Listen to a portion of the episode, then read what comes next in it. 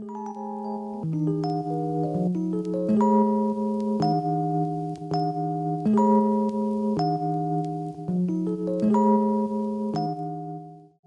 Kończymy teraz okres Adwentu, czyli e, tego radosnego oczekiwania na przyjścia Jezusa. Często niestety zapominamy, że ten okres Adwentu to też jest inne oczekiwanie, czyli e, oczekiwanie na paruzję, ponowne przyjście Chrystusa na świat. Właściwie y, to liturgicznie dzieli się Adwent na dwie części. Do 16 grudnia i potem od 16 grudnia. Ta pierwsza część ma temat głównie oczekiwania na, na koniec świata właściwie, z którego się bardzo cieszymy z tej perspektywy. Z końcem świata jest tak, kiedyś próbowałem dzieciom wytłumaczyć, tłumaczyć. Miałem takie kazanie dla dzieci, mała dziewczynka była, e, która widać było, że się bała, bo tam ten koniec świata. Dzieci przychodzą na roraty co chwilę czytania o końcu świata, nie? więc postanowiłem zrobić z tym porządek e, i mówię do tej jednej dziewczynki, słuchaj, boisz się końca świata? Ona mówi, no tak, nie, boję się. Jak będzie koniec świata, to będziecie akurat w szkole wszyscy. Będziecie biegać po korytarzu, będzie przerwa i nagle świat się skończy. To znaczy przyjdzie Pan Jezus. Do, dokucza ci ktoś w szkole? Ona mówi, tak, no nie, nie mów po imieniu, bo było do mikrofonu. Taki jeden mi dokucza. To wtedy przyjdzie Pan Jezus na koniec świata, na przerwie akurat, weźmie cię na kolana i cię zapyta, który ci dokuczał. Ty pokażesz ten, on mówi, chodź tu. I zrobi porządek. Więc dlatego z radością czekamy na koniec świata, bo to będzie takie wypełnienie naszych pragnień, na przykład różnych sprawiedliwości, e, tego wszystkiego, czego nam w świecie brakuje, to ta, wtedy ten koniec świata ma przynieść. Nie? Oddzielenie dobra od zła, e, tak jak to w przypowieściach jest też w Ewangelii. Nie? Pozwólcie rosnąć aż do żniwa e, dobremu i złemu ziarnu i dopiero na koniec, to nie jest nasze zadanie, żeby to oddzielać. To musi razem być. Ale na koniec świata ma to zostać oddzielone również w nas, w naszych sercach. Dlatego się cieszymy że będzie. Jeśli chodzi o same święta Bożego Narodzenia, gdybyśmy zajrzeli wstecz do średniowiecza, więcej tekstów pojawia się zdecydowanie na temat świąt wielkanocnych, ale jakoś ten czas się tak potoczył, że w tym momencie te święta Bożego Narodzenia chyba trochę zdominowały naszą perspektywę myślenia właśnie o przeżywaniu świąt. Ja bym sięgnął jeszcze dalej, bo to, bo to więcej wyjaśni. W II wieku Orygenes na przykład pisze, że urodziny to w ogóle obchodzą poganie. W Ewangelii urodziny jedyne, jakie są opisane, są urodziny Heroda. Wiadomo, jak się skończyły, obcięciem głowy Jana Chrzciciela. Więc Orygenes tak w swoim stylu e, mówi, no to my nie obchodzimy e, urodzin, to poganie urodzą, e, obchodzą i to się źle kończy. E, nie było potrzeby świętowania urodzin Pana Jezusa też. Mm, to się wzięło w ogóle z, zupełnie z czegoś innego, to święto Bożego Narodzenia. Mm, ważniejsze było niż święto Bożego Narodzenia od początku chrześcijaństwa święto Epifanii, czyli objawienia się Pana Jezusa poganom. I to łączono z trzema takimi wydarzeniami z Ewangelii. Pierwsze wydarzenie to jest chrzest Jezusa, wtedy kiedy się niebo otwiera e, i on się, i się objawia cała Trójca. E, drugie wydarzenie to jest wesele w Kanie Galilejskiej, gdzie tam Pan Jezus, jak święty Jan pisze, objawił swoją chwałę i uwierzyli w Niego Jego uczniowie. I trzecie wydarzenie to jest pokłon magów tak zwanych, czyli trzech króli, jak dzisiaj mówimy. Nie? E, tam jest greckie słowo magowie, użycie magowie ze wschodu. Czyli mędrcy właściwie można by na dzisiejszy język alchemicy nie? przetłumaczyć, którzy gdzieś tam e, dotarli e, do tej informacji o Panu Jezusie.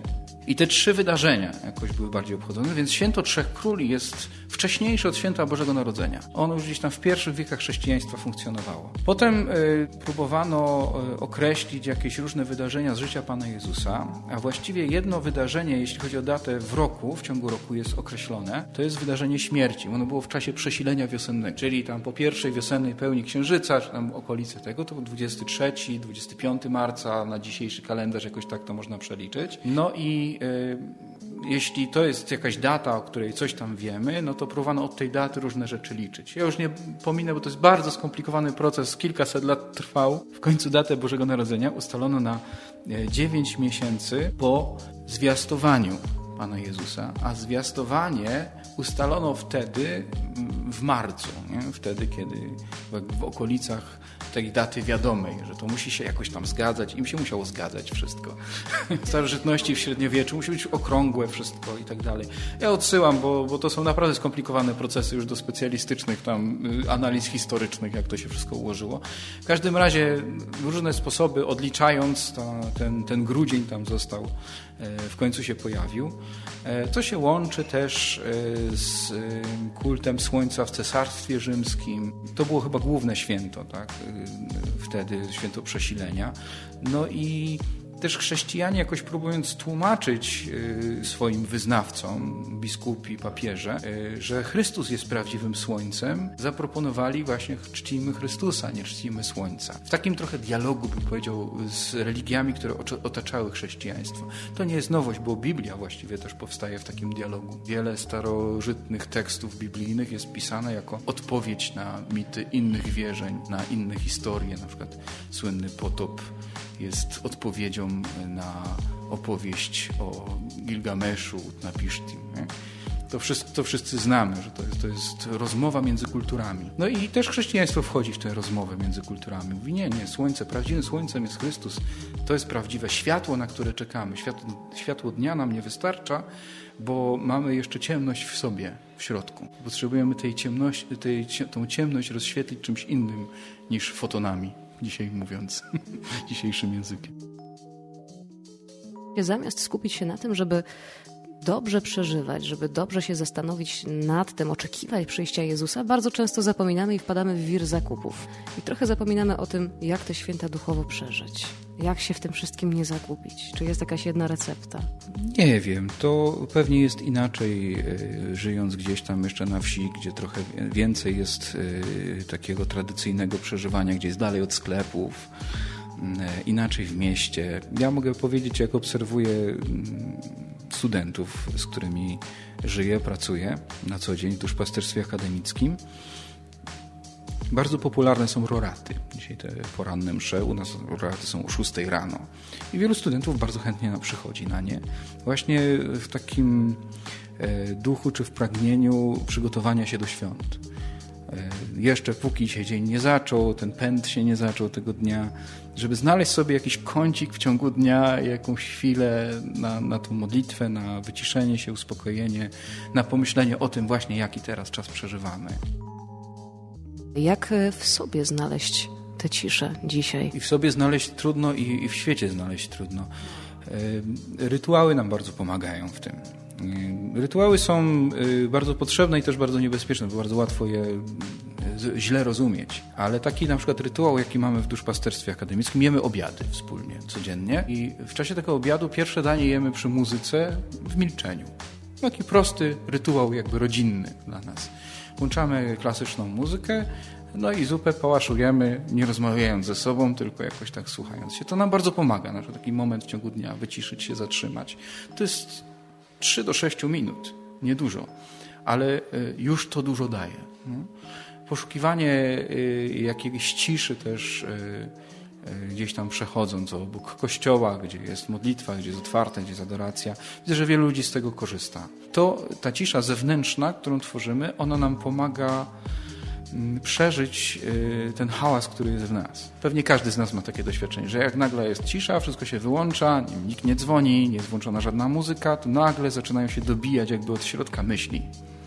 Y, wręcz krzyczeć, czasem śpiewać się piosenki w nas zaczynają, czasem jakieś emocje zaczynamy przeżywać, któreśmy nie wiedzieli, że są. Y, może się na kogoś gniewam, może coś planuję, czegoś się boję i to wszystko dochodzi nagle do mnie w ciszy.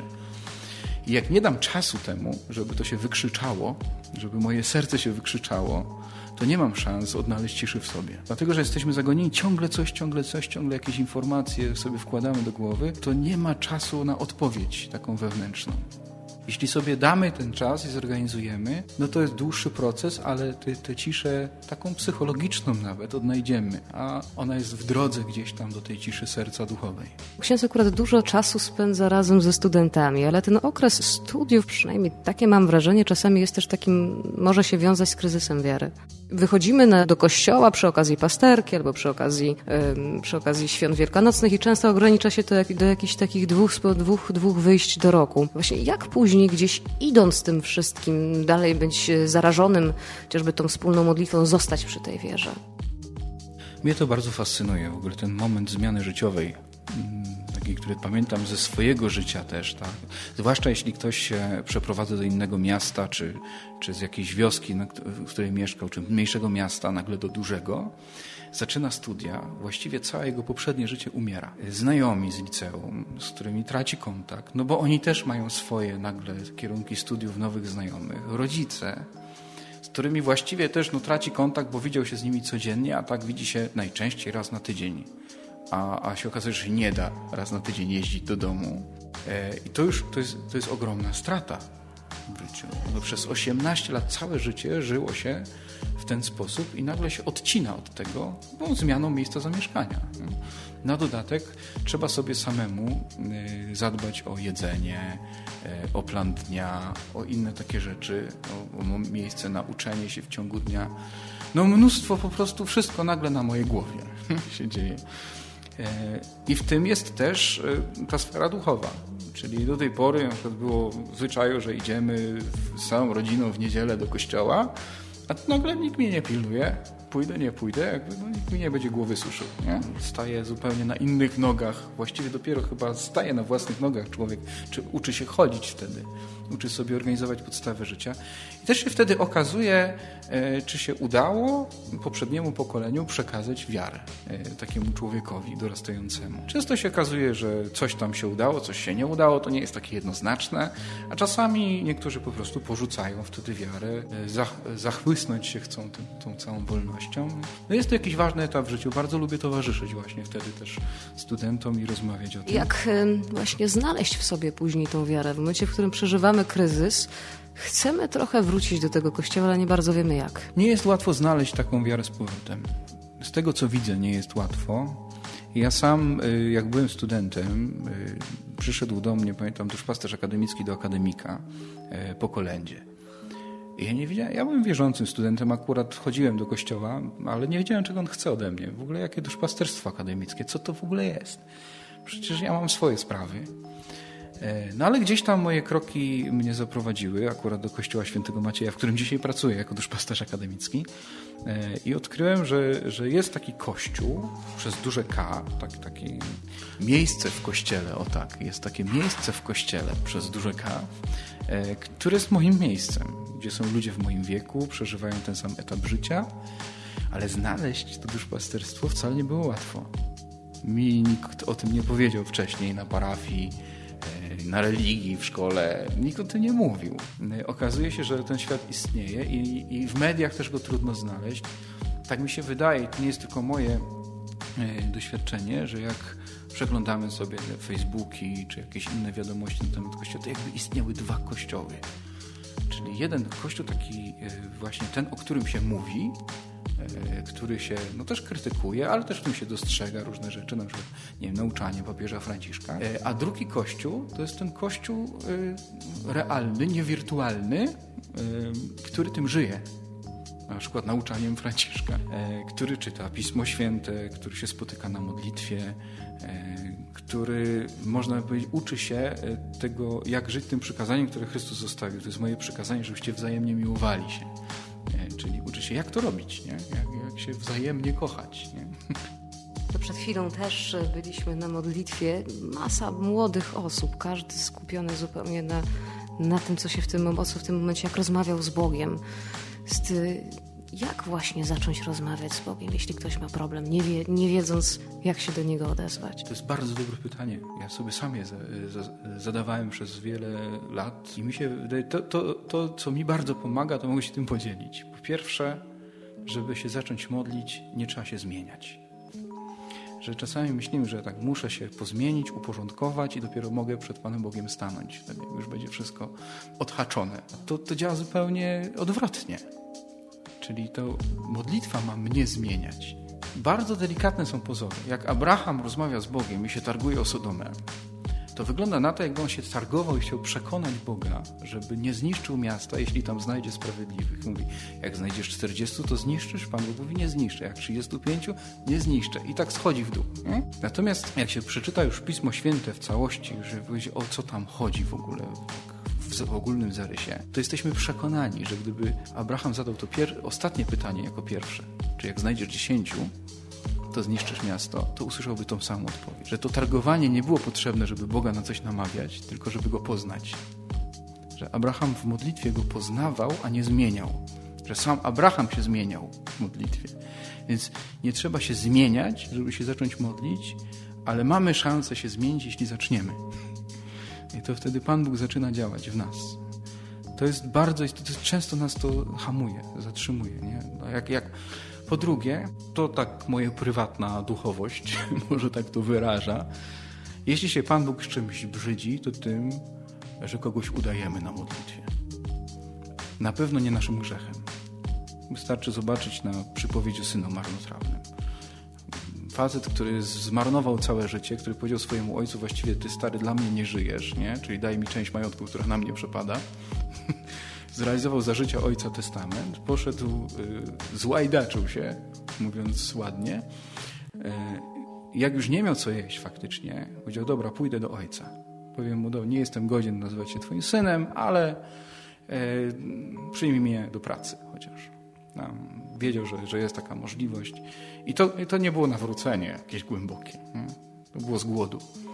I on wracał i reakcja ojca jest y, taką reakcją, która powinna nam zawsze gdzieś tam towarzyszyć modlitwie też. Zwłaszcza jak przychodzimy na modlitwę z grzechami swoimi. Reakcja ojca jest taka, że on wybiega mu naprzeciw, rzuca mu się na szyję. Ten facet jadł ze świniami przed chwilą jeszcze z koryta wspólnego, więc na pewno ładnie nie pachniał. W ogóle się ten ojciec nie brzydzi tym, tym, tym synem, tym grzechem jego, tym całym zmarnowanym życiem. Rzuca mu się na szyję i przyjmuje go takim, jak przyszedł. Dopiero później mówi, dajcie mu nową szatę, zaczynamy się imprezę. Nie? Robimy imprezę z tej okazji. Więc to jest coś, o druga rzecz, której warto pamiętać. Pan, Pan Bóg się nie brzydzi moim grzechem, moim zmarnowanym czasem, moją ciemnością, tym, czym ja się brzydzę w sobie też, ale mnie przyjmuje takim, jaki jestem i dopiero od tego się zaczyna zmiana, nie, nie wcześniej we mnie. Dopiero to On jest autorem tej zmiany. Y, a co największą przyjemność sprawia w pracy, a co największą trudność?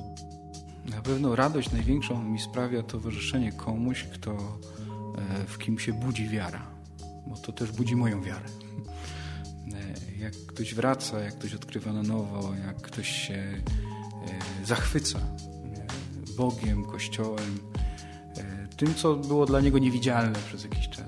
To, to jakby ktoś odzyskał zmysł jakiś, mi się wydaje, tak, tak to odczuwam. Ja też sam mam swoje problemy z wiarą i mnie to, mam też swoje wątpliwości i staram się też jakoś przeżywać też wspólnie ze studentami. Dzielimy się tym razem. Myślę, że to nas bardzo bogaca, to jak przeżywamy wiarę. I to jest moja, to jest moja jakaś ogromna radość. No do tego dochodzą różne inne małe radości, że, e, że po prostu lubimy razem ze sobą być. Dobrze nam razem z sobą. Nawet śpiewam taką pieśń.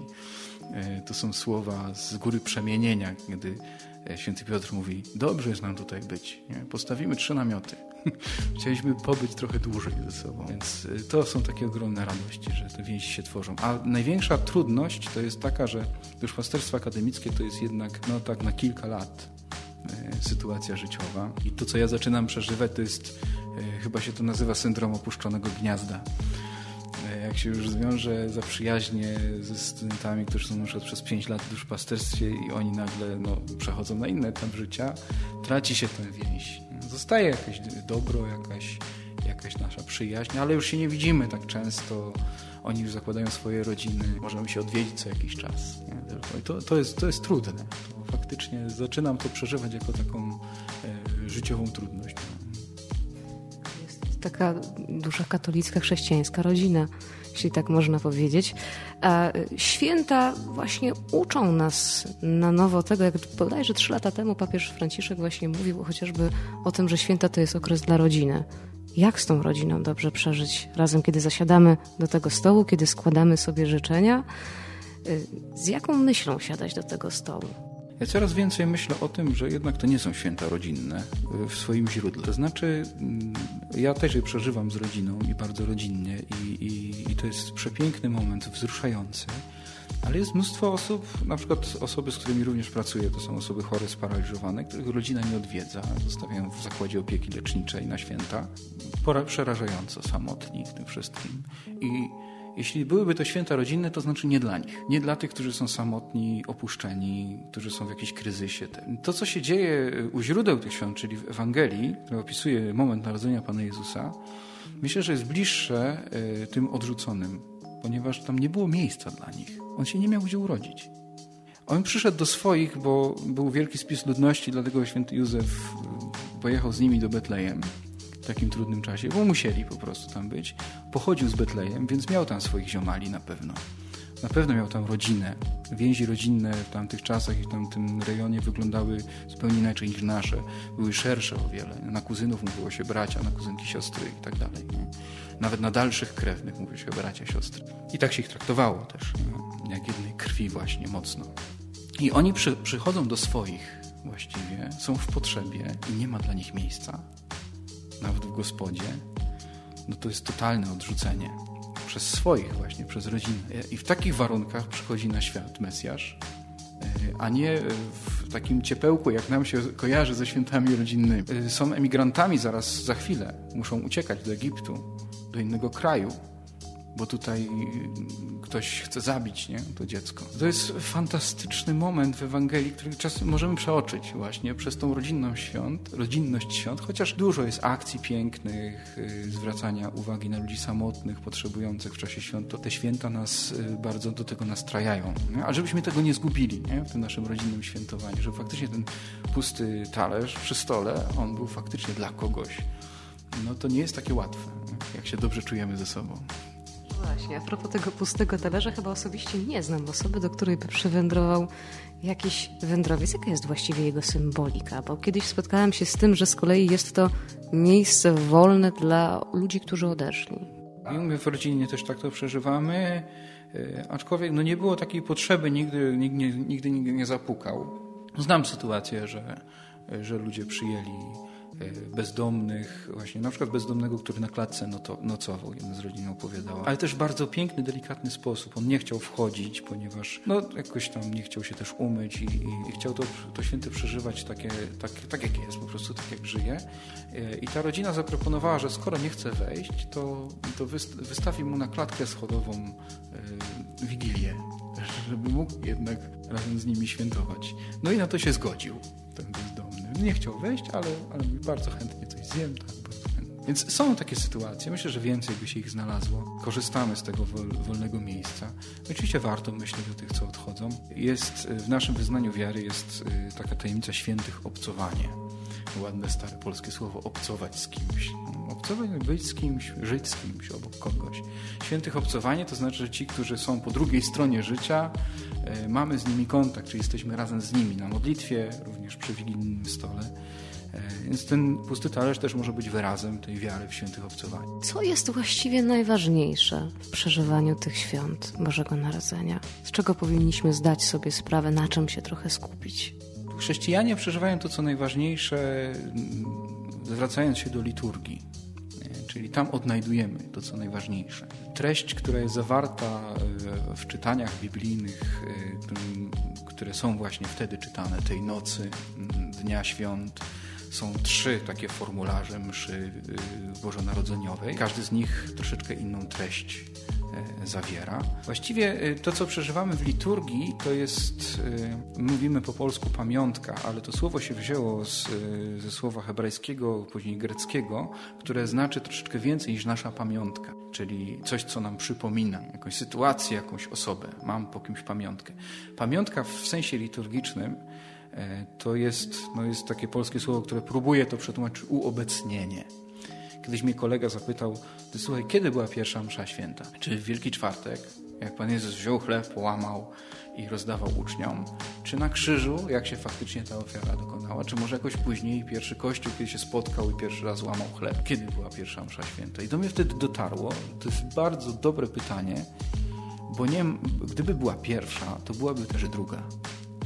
A nie ma czegoś takiego w naszym e, rozumieniu liturgii Eucharystii, nie ma czegoś takiego jak kolejna msza święta. Z zewnątrz to tak wygląda, ale jest tylko jedna. Jest tylko jedna ofiara Chrystusa, e, jeden stół, to jest ten stół z Wielkiego Czwartku, jeden ołtarz, w którym jest krzyż, na którym Chrystus składa siebie w ofierze. I my tylko idąc na mszę świętą podchodzimy do tego samego stołu. To jest jakby oś w czasie i w przestrzeni, w której się wszystko gromadzi. Tak przeżywamy liturgię, nie? tak się uczymy ją przeżywać. No i to, co jest najważniejsze w tych świętach, to żeby właśnie y, się zgromadzić wokół tej tajemnicy. A co nam przeszkadza w tym? Żeby się zgromadzić. Może się okazać, że to, co nam przeszkadza, to nas gromadzi, ale to za chwilę. No to dobrze. To co nam przeszkadza wobec tego? Myślałem, jak przejść do tego tematu, bo mnie to bardzo porusza. Od dwóch lat dotarły do mnie takie, y, takie piękne obrazy od ojców Kościoła pochodzące e, na temat żłobu. Żłóbek betlejemski nasz, który stawiamy też w szopkach, w kościołach. E, skąd on się wziął? Dlaczego on jest znakiem? Jak, jak on był czytany w starożytności? Bo to chyba gubimy, mi się wydaje. E, dlatego, że nie mamy zwierząt, które się u żłobu pożywiają. To tak trochę nie kojarzymy po prostu. No. Niektórzy nawet żłobek kojarzą tylko właśnie z Panem Jezuskiem. Z... Natomiast żłób to jest koryto właściwie, z którego żorą sobie pasze zwierzątka. Przychodzi taki wół, taki osioł, krowa, cokolwiek do żłobu e, i do tego żłobu przychodzi regularnie, żeby tam się pożywiać że e, z tego żłobu się nie da pożywić raz na zawsze, to ciągle jest głodny, ciągle wraca, ciągle wraca.